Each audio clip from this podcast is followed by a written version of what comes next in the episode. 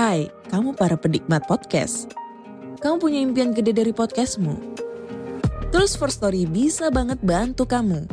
Mulai dari F-Link, Dynamic Audio Insertion, sampai statistik yang komprehensif. Semua ada di First Story. Gak ketinggalan kamu bisa monetisasi podcastmu lewat iklan dari First Story Ads yang bisa kasih kamu penghasilan dari setiap place podcastmu. Yuk gabung sekarang dengan klik di firststory.me. Sekali lagi, klik di firststory.me. Mari kita bawa mimpi podcastingmu menjadi kenyataan.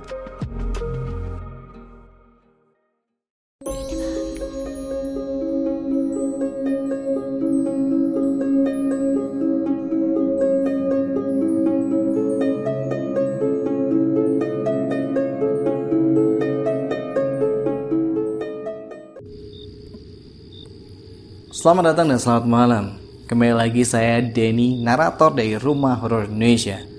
Menjumpai kalian untuk membacakan sebuah cerita horor. Tapi sebelumnya makasih buat kalian yang sudah menyempatkan subscribe channel ini di Rumah Horor Indonesia dan juga follow kita di Spotify di podcast Rumah Horor Indonesia.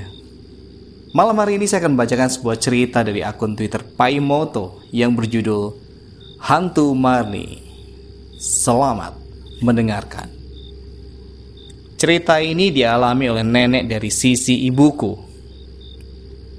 Kejadiannya pada saat itu nenek masih aktif bekerja memanggang kemplang khas daerah kami. Nek Ndut, itulah panggilanku untuk nenek. Nenek memiliki lima orang anak. Ibuku adalah anak tertua. Sudah menikah dan tinggal di luar kota. Anak kedua Om Ujang, ketiga Om Anto, keempat Om Agus, dan si bungsu adalah Tante Meli. Nenek, kakek, dan keempat anaknya tinggal di kontrakan atau bedeng yang berdekatan dengan rel kereta api. Keseharian nenek untuk mengisi waktunya, Nendu itu bekerja memanggang kemplang di rumah tetangga. Ya, selain untuk mengisi waktu, Nek Dut mendapatkan penghasilan tambahan dan bisa berkumpul dengan teman-temannya. Daripada bosan, kata Nek Dut setiap kali anak-anaknya melarang nenek bekerja. Hari itu setelah selesai dengan pekerjaan rumah, nenek pergi menuju ke tempat pemanggangan kemplang. Sesampainya di sana, nenek melihat dua temannya, yaitu Bidarli dan Wak Cabe, sudah lebih dulu datang. Nenek mengambil posisi duduk di antara keduanya. Nenek segera mengambil sebuah stik dari pipa bekas antena yang ujungnya ada dua kawat kecil untuk menjepit kempang mentah, mendekatkannya ke bara api sambil dibolak-balik, lalu digeprek dengan balok kecil agar permukaannya rata. Di sela pekerjaan mereka bertiga, terdengar gelak tawa dan gosip tipis-tipis hingga akhirnya membahas cerita yang tengah heboh di kampung itu. Kalian sudah dengar belum? Kata Wak Cabe memulai cerita dengan muka serius. Dengar apa, Wak? Tanya Bi Darli penasaran. Cerita tentang si Marni jadi hantu, sambung Wak Cabe. Semalam itu rombongan Misbah di pos kampling melihat Tantu Marni. Sambung Bik tak lupa sambil membolak-balik kemplang yang dipanggangnya dengan lincah. Nek Dut hanya menyimak percakapan mereka berdua. Si Markum juga pas pulang sholat dari masjid melihat hantu Marni terbang melewatinya. Wak Cabe menimpali dengan semangat. Marni mana, Bek? Nek Dut akhirnya membuka suara bertanya pada Wak Cabe. Itu yang tinggal di bedeng. Itu loh bedengnya Pak Musli yang baru melahirkan. Terus lakinya ketahuan selingkuh sama adiknya sendiri. Setelah itu dia mati gantung diri. Jawab Wak Cabe. Oh Marni itu kata Nek Dut. Nenekku ini tergolong berani dan dia bisa melihat mereka. Jadi sudah biasa dengan hal-hal semacam itu. Aku kalau tidak melihat dengan mata kepala sendiri tidak akan percaya cerita orang. Kalau dia sudah menampakkan dirinya di hadapanku, baru aku bisa percaya.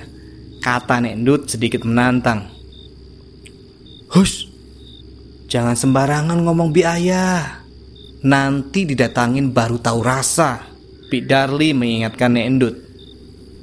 Pokoknya aku tidak percaya kalau belum lihat sendiri. Nek Ndut tetap kekeh dengan pendapatnya. Bi Darli dan Wak Cabe hanya bisa geleng-geleng kepala. Selanjutnya mereka bertiga bekerja dalam diam.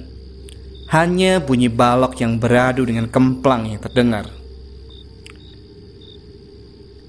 Sore harinya nenek pulang menjalankan aktivitas di rumah. Mandi, makan, dan sholat maghrib menonton TV lalu dilanjutkan sholat isya. Selepas isya, nenek dan anak-anak bersiap mengatur posisi untuk tidur. Selepas isya, nenek dan anak-anak bersiap mengatur posisi untuk tidur. Karena bedeng Nek Ndut ini hanya terdiri dari tiga ruang, ruang tamu, kamar, dan dapur, maka ruang tamu dialih fungsikan menjadi tempat tidur pada malam hari. Kakek, Om Ujang, Om Anto, dan Om Agus tidur di ruang tamu. Tante Meli tidur di kamar, sedangkan Nek Ndut ini nomaden alias berpindah-pindah bisa di kamar yang mana pun. Jika sinetron kesukaannya tayang, maka otomatis nenek akan tidur di ruang tamu. Kebetulan sekali malam itu sinetron kesayangannya nenek di stasiun TV Ikan Terbang tayang. Oh ini Indosiar maksudnya. Nenek pun dipastikan akan tidur di ruang tamu. Sekitar pukul satu malam, nenek terbangun karena ingin kencing. Karena lampu di ruang tamu mati, nenek berjalan dengan meraba-raba dan tiba-tiba Nek Ndut menabrak seseorang. Ternyata itu hanyalah Om Agus yang sedang berdiri sambil menatap ke arah jendela. Kenapa Gus? Tanya Nek Ndut. Om Agus hanya diam, tapi dia menunjuk ke arah jendela.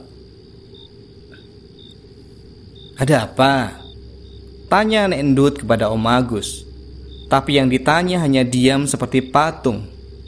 Nek Endut berjalan menuju jendela, membuka gorden, sehingga cahaya dari lampu teras menelusup masuk melalui celah kaca, menerangi ruang tamu.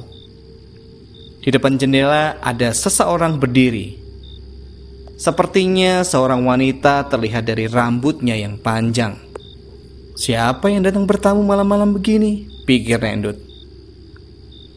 Apakah pacarnya si Agus yang minta pertanggungjawaban? Apa ini orang mau minta urut? Lanjut nenek masih bergelut dengan pikirannya sendiri tentang kebenaran sosok di depan jendela ini. Nendut juga bisa mengurut orang Beberapa kali memang ada yang datang pada malam hari menjemput Nek Endut minta diurut. Tapi kalau memang manusia, kenapa tidak terdengar bunyi langkah kakinya berjalan di teras? Seketika rasa dingin menjalari tengkuk Nek Endut. Nek Endut lalu memajukan wajahnya untuk melihat lebih dekat sosok yang ada di balik jendela. Andai kaca lako jendela itu dibuka, maka wajah Nendut akan menempel pada wajah sosok itu. Sosok yang dari tadi menunduk itu kemudian mengangkat wajahnya.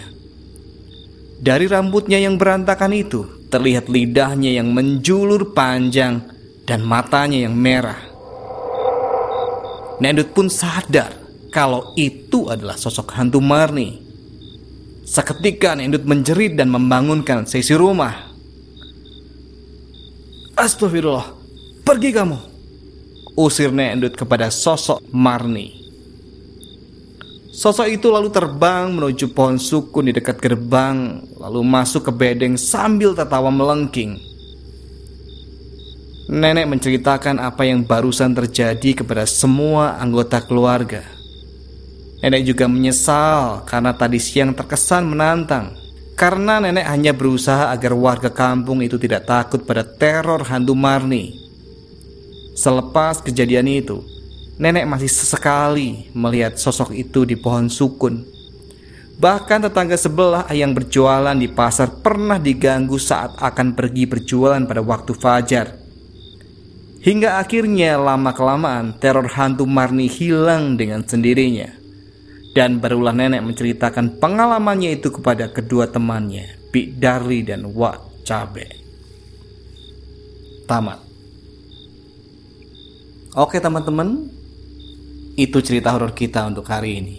Kalau saya sendiri sih emang walaupun percaya tidak percaya, tapi di tempat-tempat tertentu atau bahkan di semuanya lah, saya membiasakan diri untuk tidak sompral atau menantang, ya.